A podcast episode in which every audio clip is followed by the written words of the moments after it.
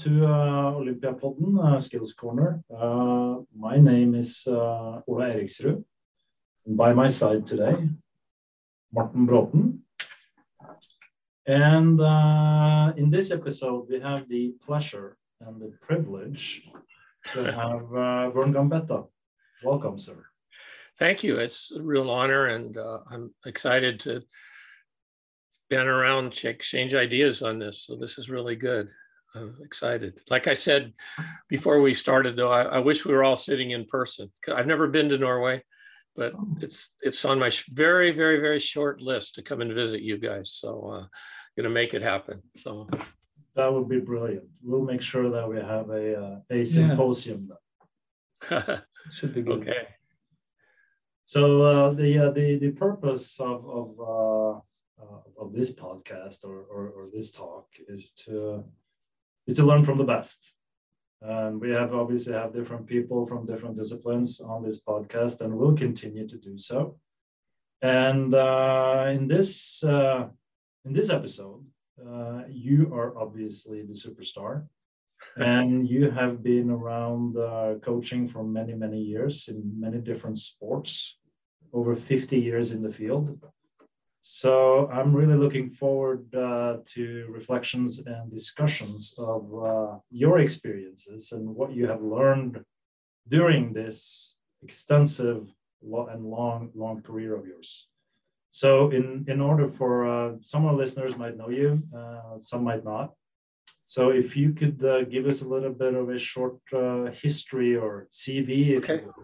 Like okay, sure. Where, sure. where you have been and what you have done, so we know where this is yeah, I'll just, yeah, I think it's important because when, in some of the other questions we're going to discuss, obviously your your background, your history is it, you can't deny that that uh, that that that's a factor.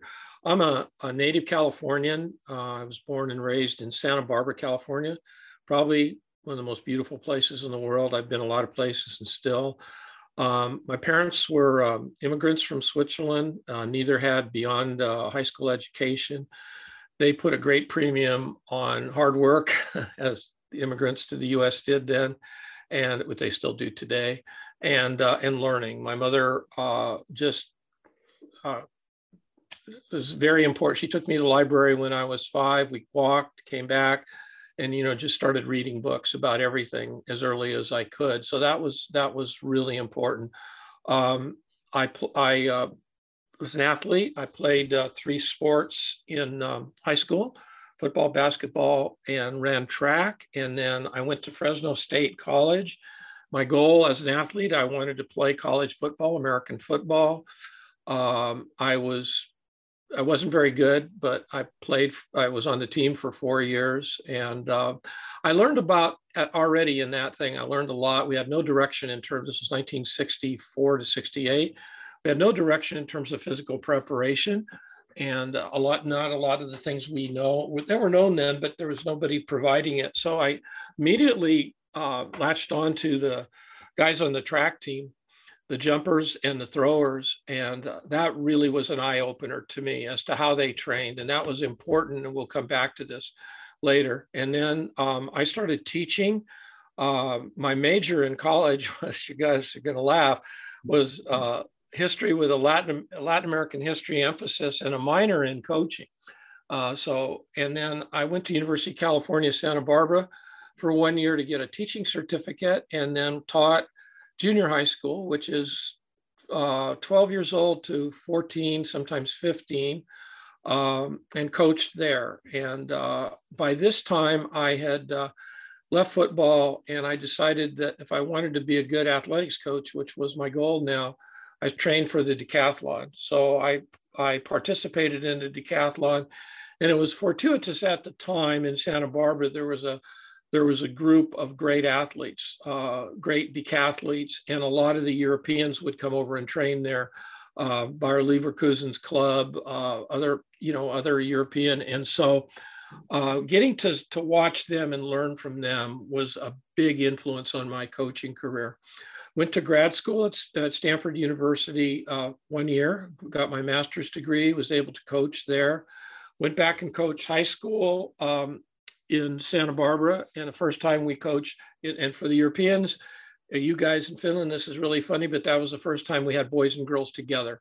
Okay, there was no girls track team. We started a girls track team, very very successful. And then I uh, matriculated to University of California, Berkeley, where I was for five years. I was head cross country, assistant track for three years, and then head track for the last two. And, and we had really um, outstanding success. It's a great university uh, that was there was a lot of potential there. And then I left that to basically go in the private sector. Um, moved to Southern California and coached um, uh, a group of uh, decathletes and heptathletes uh, into 84. And uh, then I got an opportunity uh, to go to work for a guy who had a contract with the White Sox and the Bulls, common owner.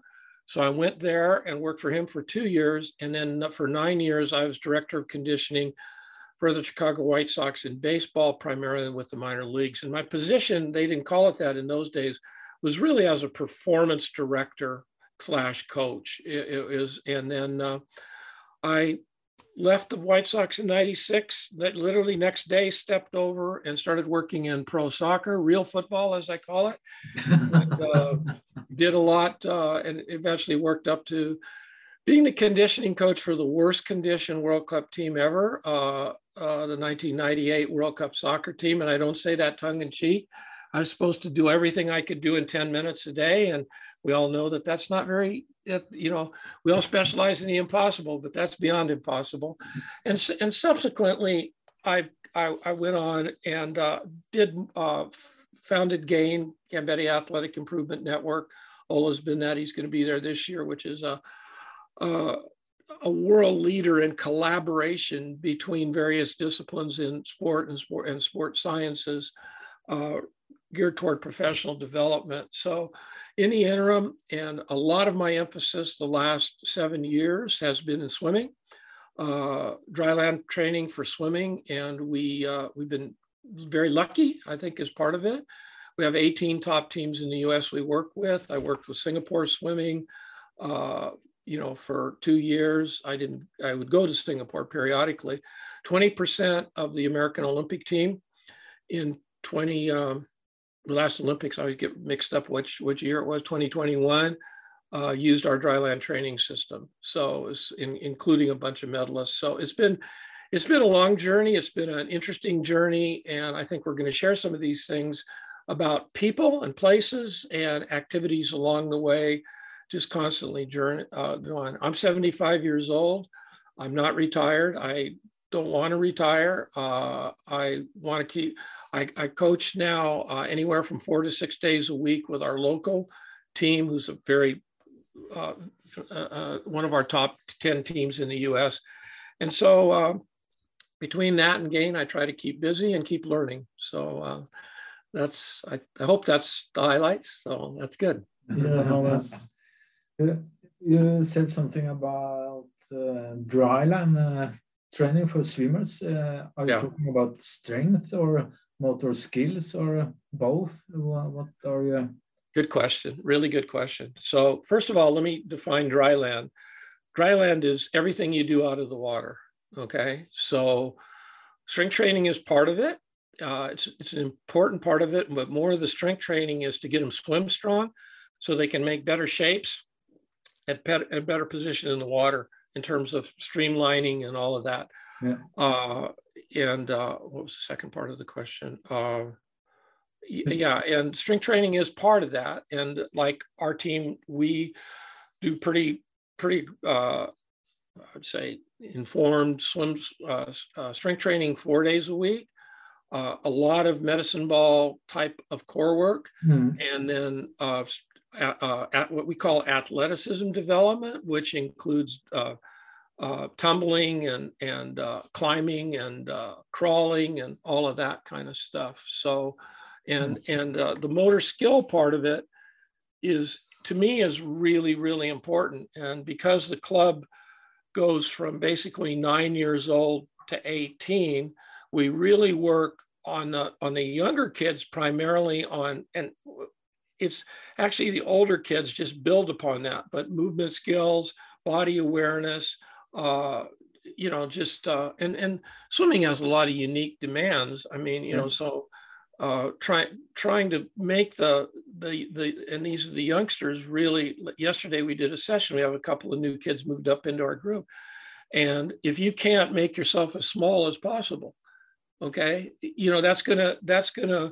ruin your underwater, which mm-hmm. is a re is 30% of swimming is not swimming. It's off, it's it's it's turns and underwater. People don't realize that. So you can be a great swimmer and still lose the race. You know, uh, yeah. so uh, we had that happen. We had that happen to a girl in Singapore. She stroke for stroke. She was even with the Chinese woman in the Asian Games, but the Chinese woman was better underwater and beat her by about four seconds. It was yeah, four. I think it was four seconds. Yeah. So sorry, I digressed a little bit.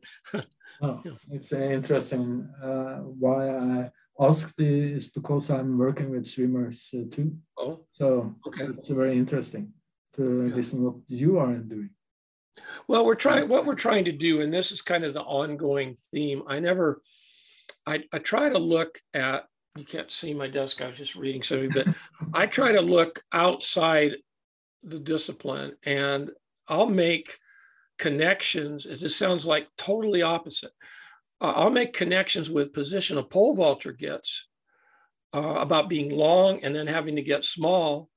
And, and so I, it, with my experiences, I'm trying to bring in as much. If you came and watched with our older kids, we have six really international class swimmers, and you'd see what there are some of the things they're doing just gymna- gymnastic stuff. You would think they were preparing for pole vault, literally, you mm-hmm. know, getting upside down, because we want to we, the, the water is actually says it's a foreign environment. When we spent nine months in that environment, we just weren't aware of it. But we've got to get them really comfortable in the water, and and it's about streamlining. It's about presenting a less frontal surface to the uh, to, to, to the water, reducing drag forces. So that's that's how you have to do it. And I'm I'm I'm not saying I have all the answers by any means, but I I just don't understand some of the stuff that I see with swimmers you know 200 200 meter swimmers i can see a 50 meter 100 meter swimmer lifting heavier but you know it's it, it's counterproductive yeah. for longer i think so yeah. So uh Vern, a little bit back to your long and extensive period. I, I think you touched upon it very nicely with your mom at the age of five taking you to the library. Yeah. But uh, obviously that that was a seed right there and yeah. Uh, quite possibly the most important seed. Um, but what kind of environments and people on your way have really influenced you, and also what what have recognized those people and environments where you felt yeah. like your professional development was something that Fair was enough. really Fair accelerating? Yeah, yeah. Well, I mean, going back to um, uh, elementary school, it, and that's going to a parochial school, Catholic school. You went to eighth grade. I got cut by uh, for the elementary school basketball team, and uh, I was really disappointed. And uh, uh I was very young for my age. Uh, I was a half. I was. I started school at four and a half, and all my classmates were five or five and a half. Well, anyway, that that lit a fire in me. I'm going. This is never going to happen again. I'm going to learn. I, I literally said this as a 12 year old. I'm going to learn everything I can find out to make myself better. Okay, so I would, uh, we had a, uh, a, playground supervisor at the schoolyard across from my house. His name was Johnny Gilbert. He was second to Bob Hayes, and you guys maybe people don't even know Bob Hayes was a world record holder, and Johnny Gilbert ran uh, it was 100 yards, ran um, nine two, and he and he would I'd he was a little guy, and he challenged us all to races, and then I'd watch him and I'd watch how he moved, and I go, We've got to do things like him to get faster. So, but in the, the, the formative for me, the really formative time was high school. Uh, I had a great high school basketball coach, Mr. Charles Keel, who's passed away. Uh, and uh, he made me grow up. He taught me all the fundamentals about basketball, the fundamentals of coaching. He was a, a great history teacher, which was one of the reasons I majored in history. So that that was a big landmark in it, and uh, uh, he he stood out and uh, he taught us how to do more with less, and he taught basketball. Okay, he didn't coach basketball; he taught basketball, And, uh, and uh, so that was informed. And then in college, playing American football, which is a brutal game, uh, I learned how not to coach from my football coaches. Okay. You, you, you don't have to be mean. You don't have to kick the athlete. You don't have to punish him. You know, you have to motivate him and teach him. In my last year of playing, there was a guy came and he was an offensive line coach and uh, he had a whole different demeanor. He taught football and he made me a better player. He would take me aside and say, you know, on that play, if you do this, it's going to be better. Well, it turned out he was also a tennis coach, ironically. He was like in his late 20s. And the next year, he took the university tennis team to the NCAA championship. But that made me realize the contrast between those other coaches and him. And then Red Estes, this is at Fresno State, was the assistant track coach. And I took his class theory of um, track and field. And ironically, we didn't, sorry guys, we had uh, a Swede and a, and a um, uh, uh, Finn. Erkki Mustakari was a pole vaulter. And then uh, we had, and, and so those guys were in the class. And we had a high jumper named Larry Alexander, American guy, who was a voracious researcher and reader in training. I glommed onto those guys. I started training with the track guys and I got faster, I got more athletic, you know, to play football. And that's how I led. And and and then Red Estes encouraged me in this class. You have to show you have to show proficiency. You have to do all the events. You know, so I'm an ex-football player trying to learn how to pole vault and do all of these kinds of things. It was like Saturday Night Live or something like that. It was a comedy for a while. But then I started training for decathlon and got to train with, do sessions and listen, just do a lot of listening with the guys I trained with. Bill Toomey was an Olympic gold medalist, world record holder, a whole bunch of internationalists. So that was really formative. Uh, uh, and then going to Stanford was on my master's program. It wasn't thesis. It was so I could do anything I want. And I spent hours in the med med school library. And remember, this is before even microfiche was. They were trying to get all the documents on that, and doing learning much much more about the why of the sport, physiology, biomechanics, uh, sports psychology. Remember, biomechanics and and uh, and, and, sports psych were relatively new uh, subdisciplines of in the uh, in the 70s when I went to grad school there. So uh, that was, and Marshall Clark was the cross country coach there. He's, he, he really taught me to calm down, slow down, talk less. You know, he made me a better coach that way. You know, so that was important along the way. And then as I, as I competed in decathlon, I got to meet more and more people and got involved with uh, uh, IAAF had a journal called New Studies in Athletics, a really high level journal. We had uh, several meetings of the staff, editorial staff of that at Deutsche Sports School in Cologne. So that enabled me to meet more people, particularly in the pedagog- pedagogical research area. So it just goes on and on, uh, you know, from there. Uh, I mean, there's, uh, you know, and I, I think uh, Ola knows this when in um, 19, my first year at University of California, Berkeley, serendipitously, I met a physical therapist who introduced me to a doctor. The doctor was a guy named Roger Mann, and he was one of probably one of the most noted ankle and foot guys in the world at that time. And he was doing work at Shriners Hospital for crippled children. He set it up for me to go over there one day a week and spend four or five hours uh, in their biomechanics lab, learning about using the technology that we had and then uh, if you if you go to the literature, look up Mann and Hagy, H-A-G-Y. Hagy was a biomedical engineer, and uh, and it was a landmark gait study, and we were part of that. Well, whoa, wait a minute, this opened a whole new vista. you know, in terms of really understanding mechanics. Remember, we were thinking muscles. Uh, that's what we were. That's what we were taught. And then one day there was a little, uh, an older lady. I, now I don't. I reframe older. She was probably like 52, you know, but at that time she was old to me, right?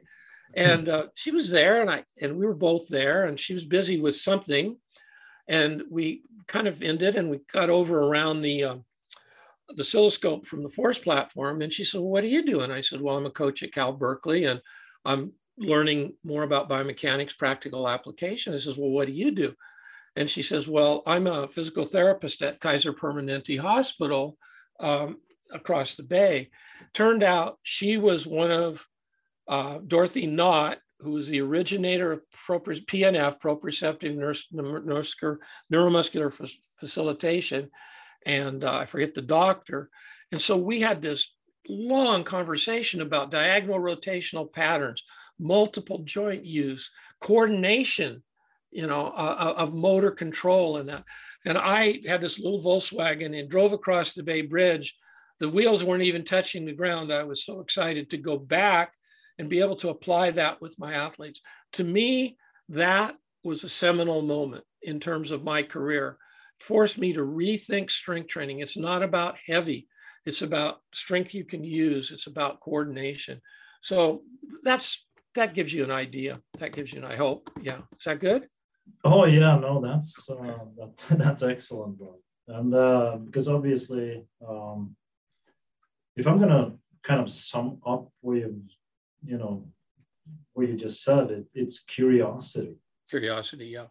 Well, you know my new title. You know my new title with Gain, right? No, what is it? Director of Curiosity. I mean, look, I went to Catholic school, and I think the nuns and the, the, pre, the priest hated me in high school. I knew that, but because um, I was profane and always questioning, right? And so you don't question dogma, correct? It's dogma, and I was always questioning. I'm still a Catholic, so I still haven't gotten any answers, but I'm, you know, it's just faith, right? But it, why? Why are we doing this? And and I, and as the more I got into coaching, and then in professional sport, I'd watch the crowd. Why are we doing this? You know, why are we why are we running uh, baseball players in two mile runs? You know, when the, the longest play in the sport is maybe five or six seconds. You know, curiosity that drives everything. Great point. Yeah, I, yeah. I should have known that you're a director of curiosity, but I think that kind of sums up your your attitude in a sense, or or, or yeah. how you meet uh, different people. And uh, so no, that that's that's great. So I think uh, I was going to follow this up, but I think we actually kind of touched on it. Uh, I know this could be very um, difficult, uh, but what is your kind of like coaching approach then? If you're going to put this synthesis into something somewhat yeah. of an approach, try to encompass it somehow, and I know that's extremely difficult. Well, yes and no. I mean, I, I my I'm firmly rooted, my background is firmly rooted in athletics, right? Run, jump, and throw. So that makes everything easy, you, relatively easy. You look through that lens, right? That encompasses a lot of movements and a lot of sport. And then for me, uh, based on what this what this lady said about PNF, and then a, a movement analysis class at Stanford, where I was challenged to, uh, I did present it on the javelin, and I presented joint by joint, literally muscle by muscle. You know, it's a kinesiological approach. This was in grad school. And uh, there was dance students in there too. And one of the dance students said, play it. We finished and everybody liked the presentation. It was Klaus Wolfermann and Janis Lusis. Um, and uh, she, I said, she said, play it again. So I start to go click, click. She says, no, play it again. Played the whole thing. That, and the dance students were counting the rhythm. I went down to the track that day to my high jumpers and I said, forget everything I've told you. We're gonna we're gonna work on rhythm and tempo and that. So to get back specifically to your question, yeah, I mean, you, you know, you look for the foundational elements, you look for connections, and and I call it the, um, the athletic development paradigm. I study carefully studied the demands of the sport, which is we really have better information now than we did. Then I'll look at the event or the position that the that the athlete plays or in that sport. If you're a high jumper, if you're a, a hockey goalkeeper, whatever, then I look for the qualities of the individual athlete in terms of athletic qualities, uh, strength, stamina, suppleness, uh, power, all of those things. And then I look at pattern of injuries. Okay. So if I, I learned early on that if my best my best sprinter was out, we're going to lose the track meet, right? Because he was going to win the 200, the 100, 200, and run both relays and maybe long jump. And that's the team by himself. So working on understanding where the injuries occurred and doing that. So that's kind of the the all of the the bat the almost like the technical background. But then is the, the big one is you've got to remember that you're not coaching numbers, you're coaching people who achieve the numbers and put context in it. Why I, the reason I gravitated to athletics, I loved it because it was absolute. I jumped farther than you, I jumped higher than you, I threw farther, I ran faster. Okay. But a lot, a lot more sports that we have measurable capabilities of, it's, it, it's manifested differently because you have to blend in with another one. So, so for me, coaching is it's a process. It's a process of continually learning the athlete and, and, and having the athlete uh, as they're growing and then adapting the sport, you know, what how they play the sport rather than forcing them into a box, uh, so to speak, right? And uh, uh, all you, you the, the philosophy is you develop all components, all physical components throughout the year. So you don't spend three months just doing aerobic work, you know, which was the classical way of doing it. You don't do circuit training before you do more strength training. It's strength before endurance.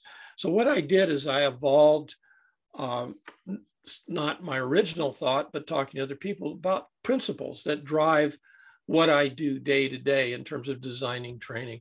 But it all comes back to people. I, I yesterday's session, we have a girl's almost 15. She's, I don't know, you translate this into meters, six feet, three inches tall. So she's one, what, 193, right? Something like that. And she couldn't be a really good swimmer. And I, I took her aside and we were doing shapes. And I, and I said, Maeve, this is really going to be important for you because you've got to take advantage of your body and you know and and a lot of women you know kind of want to slouch because she and i said you're you have a great advantage and you know just making a connection with the athlete to make the physical work you're doing meaningful i think is what's really important yeah yeah no i i well it, this resonates really well with how we work uh, and and, and I'm sure you do. Yeah, uh, here, here as well. And the last one there is certainly very very important because we talk a lot about ownership and creating ownership. Yes, right, right. That that's yeah. well, that was one step towards ownership that you provided that. Absolutely, absolutely. And and also if you you know you're an avid reader, you're you already to, to, told us this. And uh, for those of you who don't know, you should uh, check out uh, Vern's, although I would call them annual recommendations, but they happen yeah. more frequently than that. Yeah. There are some great suggestions on some good reads there. But as we all know, that information, whether that is scientific publications or books and, and, and what have you, uh, the the growth of this body of knowledge is just exponential. Uh, how what's your strategy of sorting here? Because you know we all know there's a lot of garbage you know whether that is research or uh, other other publications.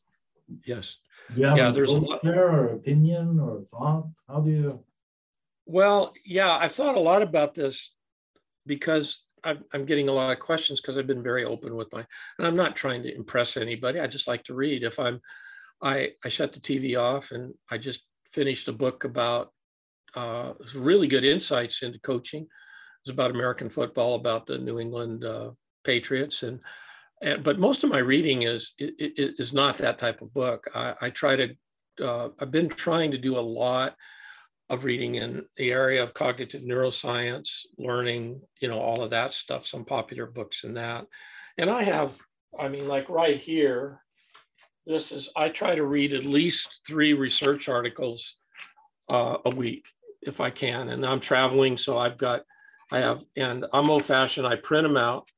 I, I read medicine. This one here, medicine, sports, exercise. Recognize. Uh, I don't know how old either of you are, but when I was in grad school and starting out, there was basically go the go-to journals were Journal of Applied Physiology, European Journal of Applied Physiology, medicine and science and sports and exercise, uh, maybe a couple other ones, and that was it. And so, and the peer review process was really rigorous. So you know if something made it into those journals, that there was no BS, there was no fudging of data or anything like that. The biggest problem you mentioned is now the flood of information. So honestly, uh, Ola, I, I lean on the GAIN community, Mike Joyner, you know, some really heavyweight hitters that, uh, and I'll send, and they they indulge me, which is really nice because they're so busy. And, you know, I said, just read the abstract and the conclusion for me. Tell me if my, uh, something's not right here. And they go, yeah, just, you know, so I, I, I've really narrowed it down in terms of the, the coaching and the, and the science literature to, to really um, have a, have a, a fine-tuned filter, okay, in terms of what you know what you're looking for and i'm not really interested in significant statistical significance in the studies i'm interested in coaching significance. If you show um, 3% improvement you know in a in a longitudinal study over maybe six months man that's a difference from being not in the final to in the final and standing on the podium. You know so you look for things like that. There's just a really interesting study uh, I think this, I think he's, correct me if I'm wrong, 11 years of monitoring of the world's most successful male biathlete of the last uh, decade. Um, was that, it, he's French, he's French, sorry, sorry guys, I, he's not Norwegian, but he's French. This was a really interesting insight because 11 years longitudinal study, all the test data, you know, and, and how he polarized his training and all of that. So th- yeah, that's why I read. And then I, I, I, I read a lot of biographies. I read a lot of history. And then when I get really tired, I get a detective novel or a spy novel to to uh, to uh, feed my fantasies. So, uh, but yeah, like last year, I think I read about 150 books, and I don't count them until the end of the year. But uh, you know, I just read. I just I really like to read, and uh, and I like to read real books, as you can probably see behind me. So uh, now this weekend, I'm, it's a short trip, so I'll just read on my Kindle. But uh, otherwise, I like real books or something really um, sensual. Sorry, that sounds weird, but of turning the page and feeling the page. So yeah. it's good. Yeah, no, because you, you, you know, I've heard you say an, an informed skeptic, and uh, yeah, yeah, well, that's been a phrase of yours. Yeah, it is, and and it and a lot of people sometimes don't i mean i'm a skeptic. Uh, show me prove it to me. I, I and i'm a skeptic. Look we we just we're experimenting with a couple of new things. Well we experimented to the point that the girl won the silver medal but now we're, we're trying to apply it to lesser um, age groups so to speak and uh, sort of national class. And and you know i i when i organized that I have to come over here and step out of my body and be skeptical, be critical, and say, now, is it, had you really, is this, where did this come from? You know, and, uh, and you're, you, how are you informed? Your colleagues, reading. Now we have a YouTube. Uh, you know, there's a lot of junk on there, but there's a lot of really good stuff, you know, and uh, so you know, I, I hear these claims for, that people make for these training methodologies, and I just go on, uh-uh, this, this, this doesn't ring true. Either that or you're on drugs or something like that, because, you know, some, some simple supplement just isn't going to do that. But i am not trying. I, I've been called out a little bit on Twitter the last couple of days because I people put stuff on there and, and I ask them, why are you doing this? And they take it as an affront. I want to know why. Tell me your reason, because I can't just copy an exercise, right? I've got to learn the why because it's to have it fit into my system. So, no, no uh, you know, you have to understand the context of the exercise, you know, and that's uh, yeah, yeah, the context and the purpose, you know. Right, right. If not, it's just some arbitrary movement happening right on your screen. Exactly. exactly. Right. So, um, I think you probably answered this one as well, but you know, it's uh, specialist versus generalist. Yeah. Because you, you talk a lot about connecting the dots. Yeah. yeah.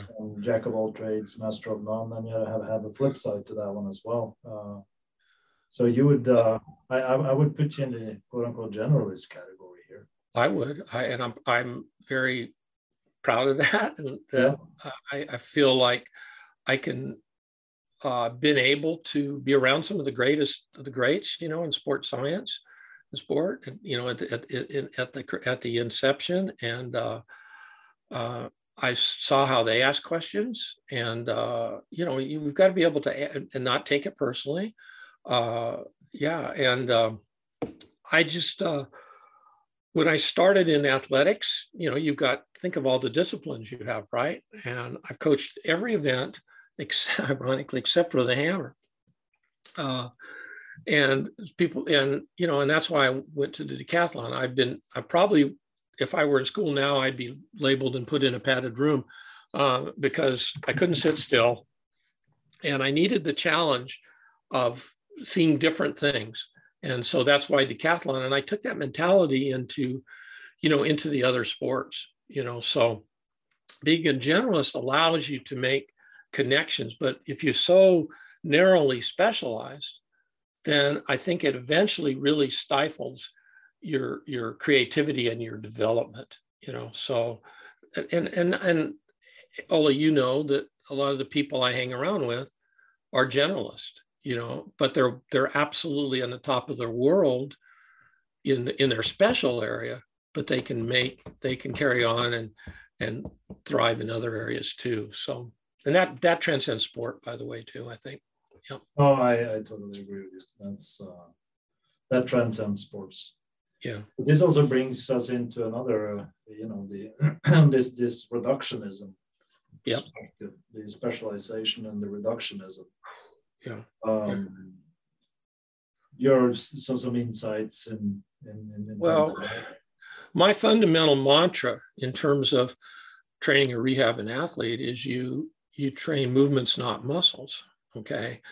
And what we're doing, and it's wonderful that we can go down to this level we can go look at fascicle length through various imaging technologies and things like that. So, um, in, in essence, you dial down or you zoom in but as a coach, as a practitioner, uh, the fact that fascicle length changes in my least favorite exercise, the Nordic hamstring curl, that I go, so what? I want to know, so what? I can measure it. I some of it I need to have somebody to explain. But as I pull back, I'm going, we're training the hamstring now, hamstrings. We're not working on integrating, in this case, the hamstring within the whole kinetic chain, right? And uh, so, I, you know, I think that's that's what it comes down to. Ola is your perspective, your view. Certainly, re- getting and and this is what's happened today, because we can dig deeper and deeper and deeper, and the human body is so complex that in the medical world and in, in the performance world, people have gone really deep in one area and you know like okay we see that this supplement does this and this. But then when you take a step back and you say, well, what happens three hours post taking this energy drink or something, you know, if that's a good example.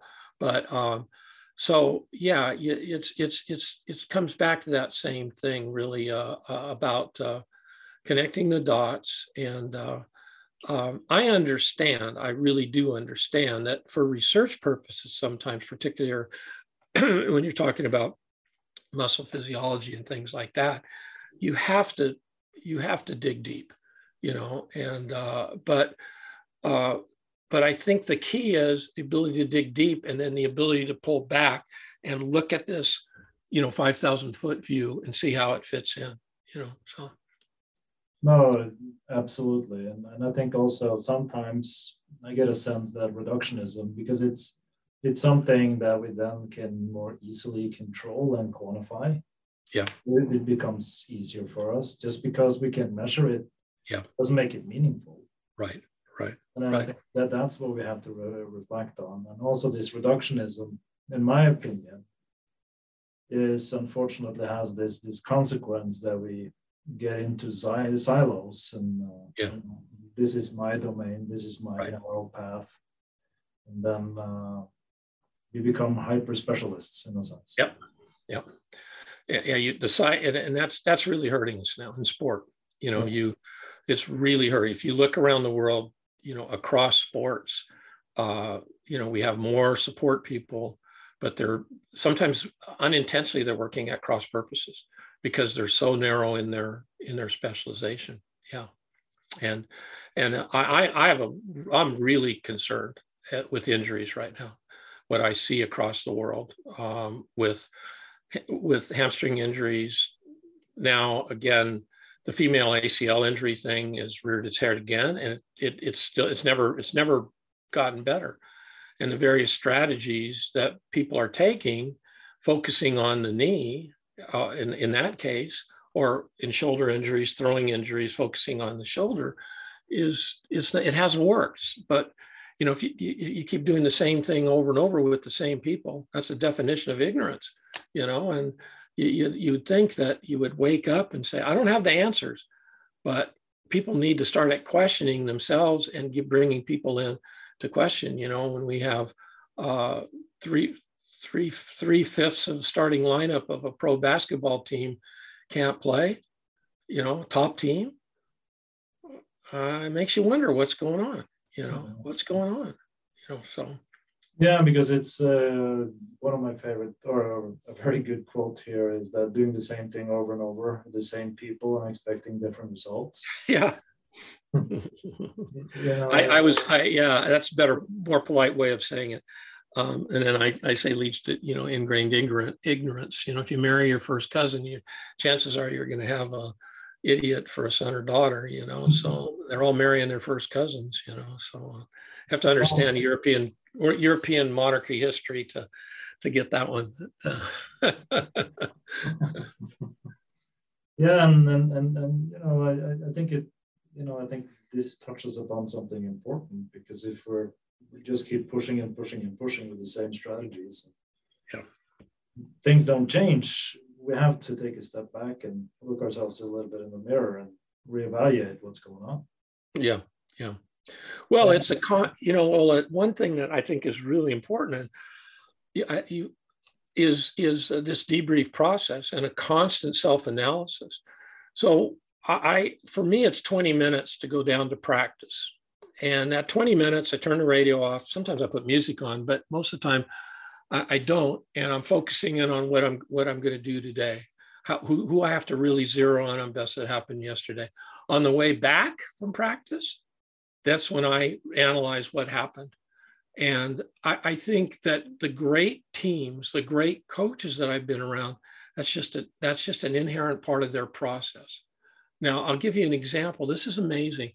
Jim Jim Radcliffe, who I think you know all as yeah. at University of Oregon, the best of the best in my estimation, and he was the uh, brought in as the conditioning coach for the uh, women's ice hockey team that won the gold medal in the last Olympics, American women and uh, a, a, man named Jack Blatherwick, PhD, uh, was instrumental in bringing Jimmy in, and influ- had big influence on the coaches. Jack was the uh, was the uh, right hand man of Herb Brooks. He calls him Herbie, the famous hockey coach, and uh, Jack did all the conditioning for that Olympic hockey team. Anyway, so they win the gold medal. We did a lot of, and I was I was Jimmy's assistant because they were training here in Florida and Jim's in Oregon, so he'd come out every three weeks. And then in the interim, I would work with the women and, and that. And uh, so they win a gold medal. Obviously, everybody says they look different, they're faster. You know what? Never, never was a debrief done by US Hockey. Didn't even talk to the coaches, the strength and conditioning coaches, the athletic trainer, or anything like that. And so I go, you know, it's uncomfortable to be the best. It's uncomfortable. Okay, the, some of the women, the older women, were complaining a little bit about how hard we work, and U.S. they don't want complaints, so they'll settle for the silver medal. You know, I won't settle for the silver medal. If I'm a, I'm a, you know, and they they went to a method, and you could just see the difference in the lack of athleticism.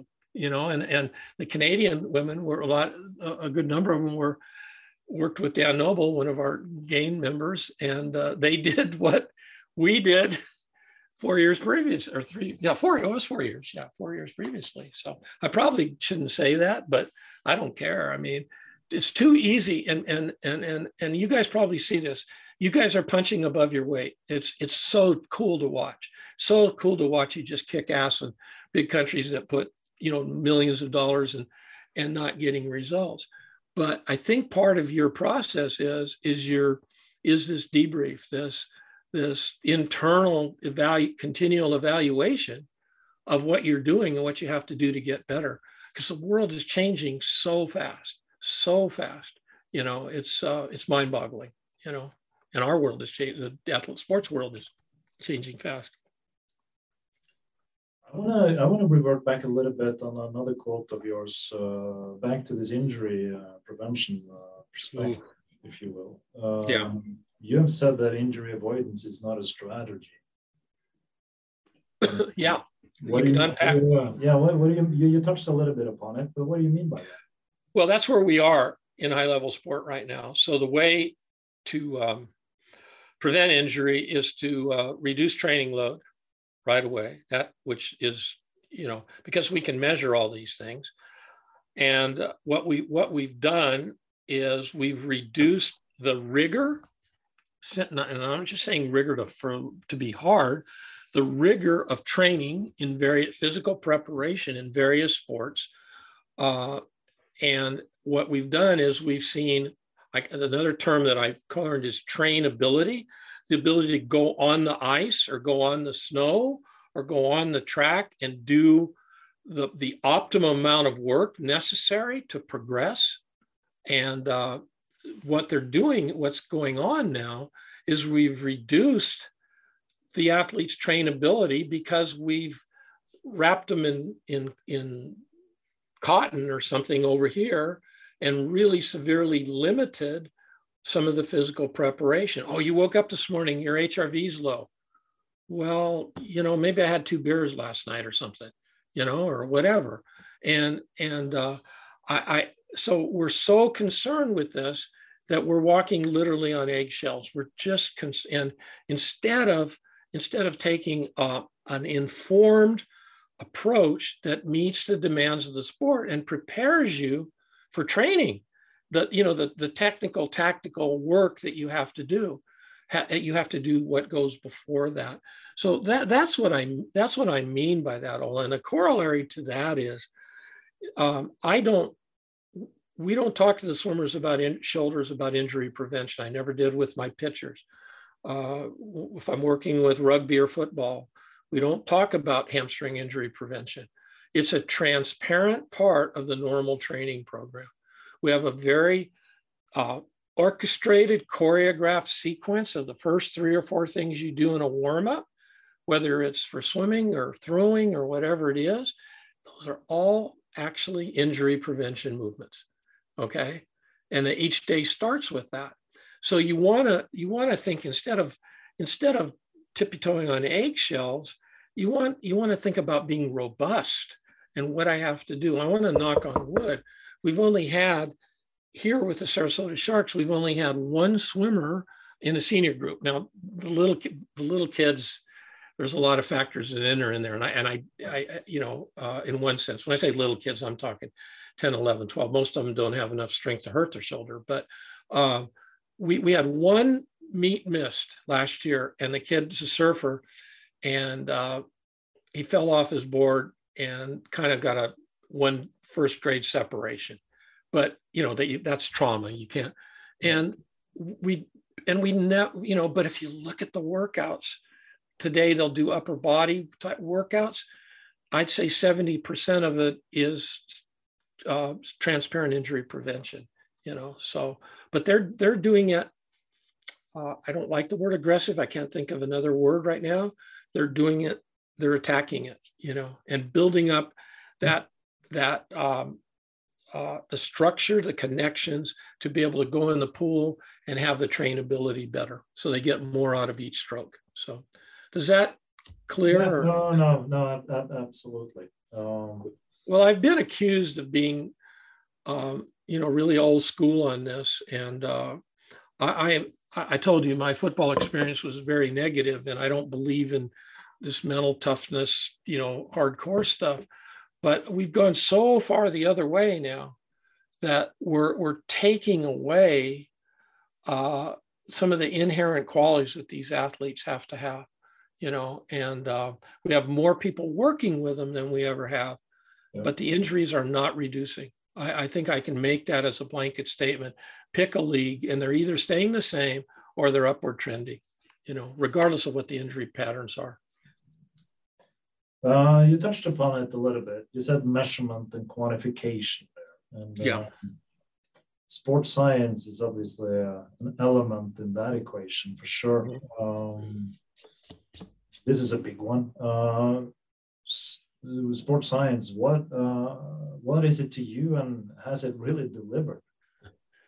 We well, could, we kind of touched on it in a previous. Uh, yeah, a little bit in the history. Well, sports yeah. science to me, recognizing that you know, I started coaching in 1969, went to graduate school in 73, 74 at Stanford, really thought, you know, biomechanics wasn't a defined field until the, until, um, you know, it was kinesiology. It was, you know, uh, but biomechanics as we know it today, being able to do some of the things we do yeah. till the late, till the 70, 75. And then one, one, uh, and then there was a terrific project done at the 78 European Championships in Prague, Czechoslovakia by Char- Charles University, where they they did a you know in event, high event film analysis and that. And to me, that was a landmark moment for me in in athletics. And so when you say sports science, I think biomechanics, I think physiology of exercise and the various subsets that are in there, sports psychology.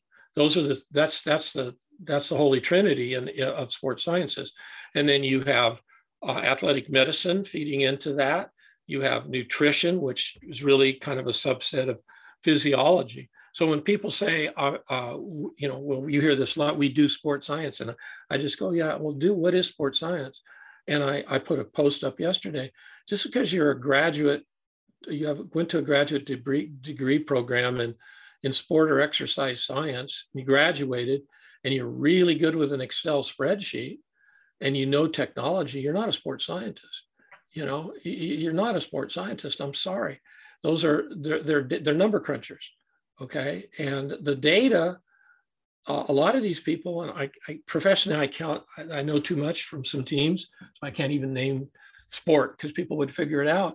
Um, the, the, the, the, the, the quants the people that call themselves sports science sit in a room they never go on the field they never talk to the coaches and the management listens to them over the coaches you know, and uh, so uh, I, you know, I think we're at a at a crossroads, you know, uh, and you can be like Yogi Berra, I got to the fork in the road and I took it, uh, or you can decide which one is going to help us build a better performance team. More, more stuff over here where we're not talking to anybody, but we got all the numbers, or so over here where everybody's working together you know the fact that you can quantify the things that we can quantify today is like amazing. And every time i get to work with a sport that's new to me i want access to to data. I'm not a number i'm not very good at math so i usually have somebody who is good with me. But we tried and jimmy radcliffe and i at oregon Grace Golden, who's there in sports athletic medicine. And we talk a lot about this, you know, that getting context to the numbers, but but collecting as much information as you can, as much data as you can. I think that's really important because with uh, machine learning, artificial intelligence, all these kinds of things, we're going to be able to six months from now maybe go to that data, and coaches can ask questions, and you say, "Oh yeah, well this is what happened," you know. So I say I say that all of it is pretty simple. It should be informed by science, but driven by coaching. Because the coach is responsible for what the player does in the competitive arena, not some guy sitting or gal sitting in a room looking at a computer screen. Um, so I don't know. It's no, it, it, well, well, a re- real quick thing with, and I'm not trying to, with Emma Weyant, who won the, the uh, silver medal. Um, it was during the we we trained for a while. It was just her and I and the head coach. You know, sort of a special dispensation from the gods of sport or something to us, let us do that, and we trained separate from the group for the 18 months before the Olympics. And um, we didn't we we purposely knowing the swimmer, U.S. Swimming offered a lot offered a lot of services in terms of analysis, and um, we didn't turn them down, but we we we gathered the information, and Dim is really smart, and and then presented the information in the context of Emma's mindset and how the evolution of her training, if that makes sense. So, you know, and we were able to show her some points like these are, this is where you can get really big leaks of improvement. This is why we're doing this in strength training, okay, on the, on the turns and underwater and that. And it's a work in progress. She's in college now, so, you know, hopefully, she, but, but I, I think our approach was um, pretty um, uh, uh, scientific and pretty um, uh, defined in terms of how we were going to use it. But in certain athletes, I, I had a, a, pro baseball player, a pitcher, graduate of Stanford, won the Cy Young Award.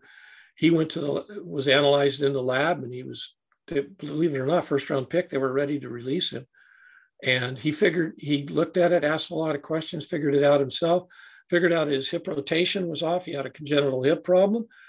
Got we we got him. We stopped running. Did everything else and voila, the guy had a long and successful career, you know.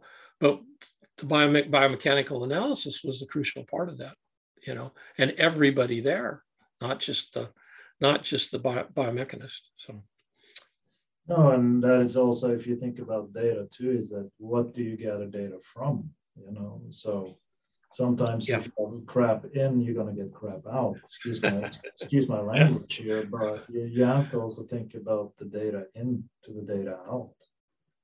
And what well, what what are we and, and if, if we then consider reductionism, like what yeah. are we actually getting? Yeah, yeah. Well, in, in 1984, you know, the Olympics was in Los Angeles.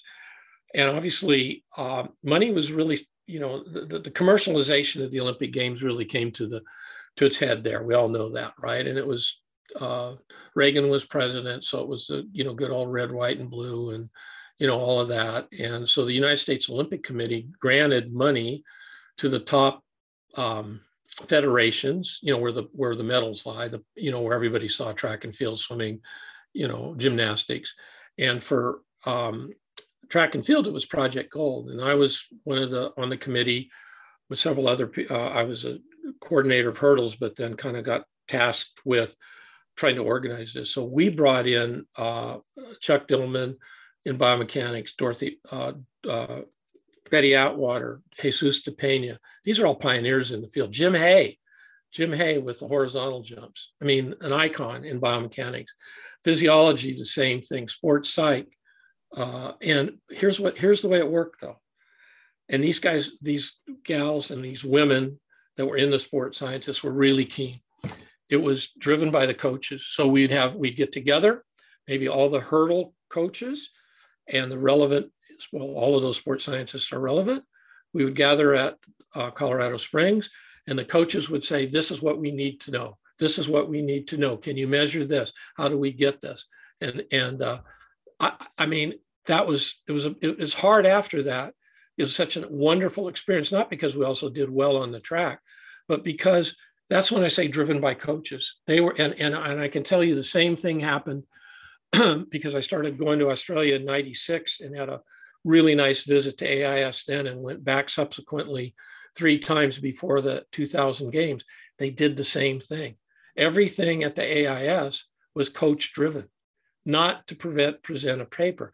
Sounds to me like you guys are doing a lot of this you know that the coaches present the problems or the solution something that needs to be solved or an unknown and you attack it and, and then that's how so sorry I, you asked me what time it is and i tell you how to build a watch but but historically you know but we've gotten away from that you know uh, it's now more reductionist and everybody's justifiably so uh, in this space the, the, the true scientists are concerned with publications they have to keep their day job you know so that's where we are. So yeah. it's there though. It's there though. No, this was wonderful, Vern. Uh, I would like to, you know, start to to, to wrap it up for the sake. Yeah, uh, I could talk uh, forever. and and I, I know this. Um, it's a pleasure. Yes, absolutely. Yes, but um,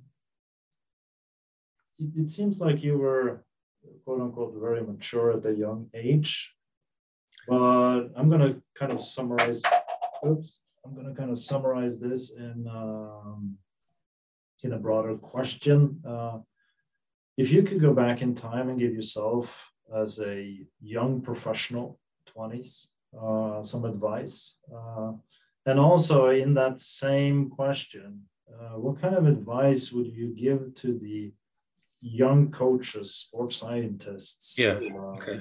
in school or thinking about going to university, uh, coming right out of school? Like, what is your okay.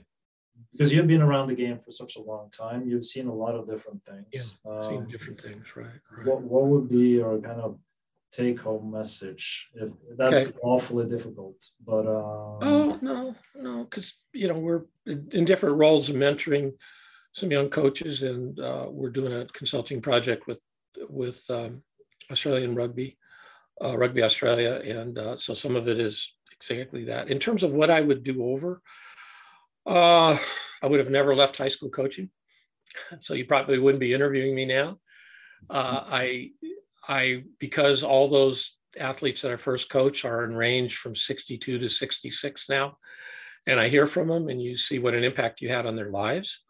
Uh, I had I wasn't mature enough. You thank you for calling me mature, but I wasn't mature enough to recognize what a great situation I had in Santa Barbara.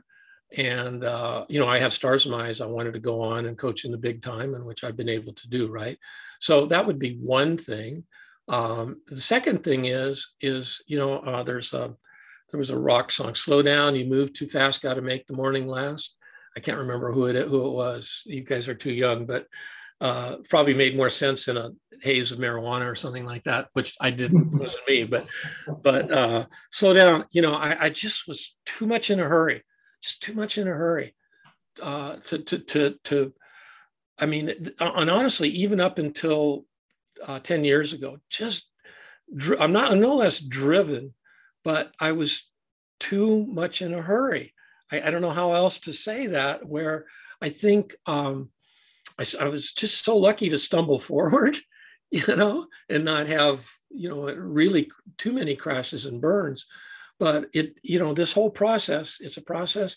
It takes time. It takes time to develop yourself as as you develop yourself as a person, as a coach, and that. So, um, I, I, think that's the primary thing. I, I, I, we all have regrets, right? And I guess the first one this was was a re, you know was a regret. I, I would. The third thing I would say, know, I have two wonderful adult children. I mean, absolutely great, highly successful in every way, shape, or form. But I missed huge periods of their growing up you know, because because of coaching. And I've talked to them both about it, and they go, you know, when you were with us, you were with us, and so that's important. But you know, you look at the rate of divorce in coaching and and these areas, and then in terms of um, advice, um, I, I think for young people getting into the whole sports performance field, and if you want to call it sports science, uh, sports sciences, we'll call it sports sciences plural, again, um, get a mentor, get a solid mentor, somebody who is willing to spend time with you and then let you give you some ideas, run with it, and come back. That's that's really important. Um, don't judge your proficiency as a coach by the wins of the team or your lack of coaching by the losses of a team or thing. Okay, it's it's a people game. Work on your communication skills.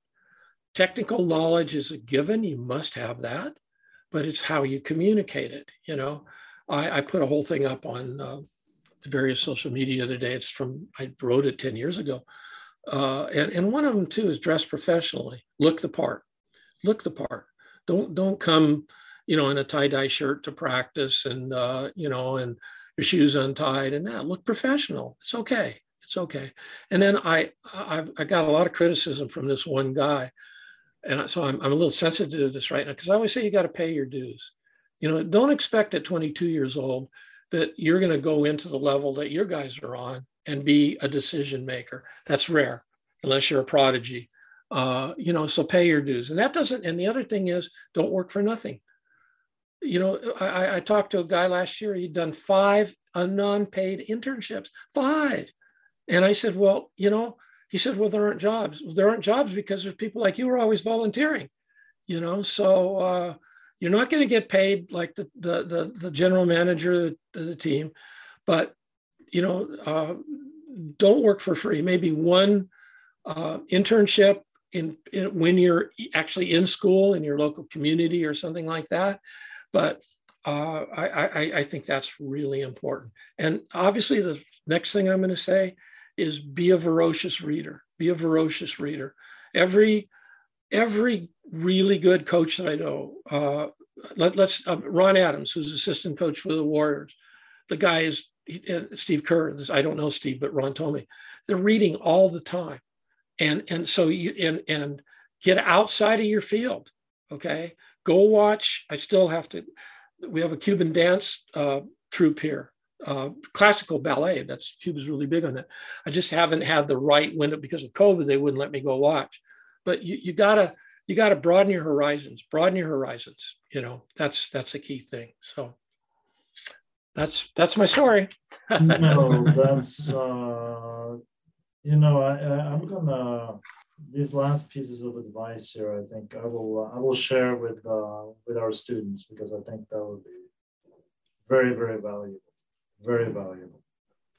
No, yeah, uh, Vern, uh, this was a pleasure, uh, privilege. Um, so thank you for, for, for taking the thank time you. and uh, sharing this with us. Um, and uh, maybe we will have you back on a more uh, specific topic uh, yeah. at some point sure. down yes. the road. Who knows? Yeah. And if you want, if you ever want me to talk to your students, I'm fine. I, I, I find that for me, I find it really invigorating. You see these fresh faces, and maybe if you have a couple of lights go on from something you say, that's that's a big part of it, isn't it? That's that's the pleasure of doing what we do of teaching. You know, it's it's always about teaching. Yeah, yeah. I think we should uh, try to bring him to Norway. Yeah, no, we should uh, have you come here for a uh, for a live uh, in-person performance run. How about that one? I'm I'm on. I'm totally open to that. Yeah. After after GAIN. after game. After game. All right. Well, uh, thank you, sir, and thank you. Uh, Thank you very much. That's, that's, that's, yeah. that's, that's, that's, yeah. Good. Don't forget to stop recording now.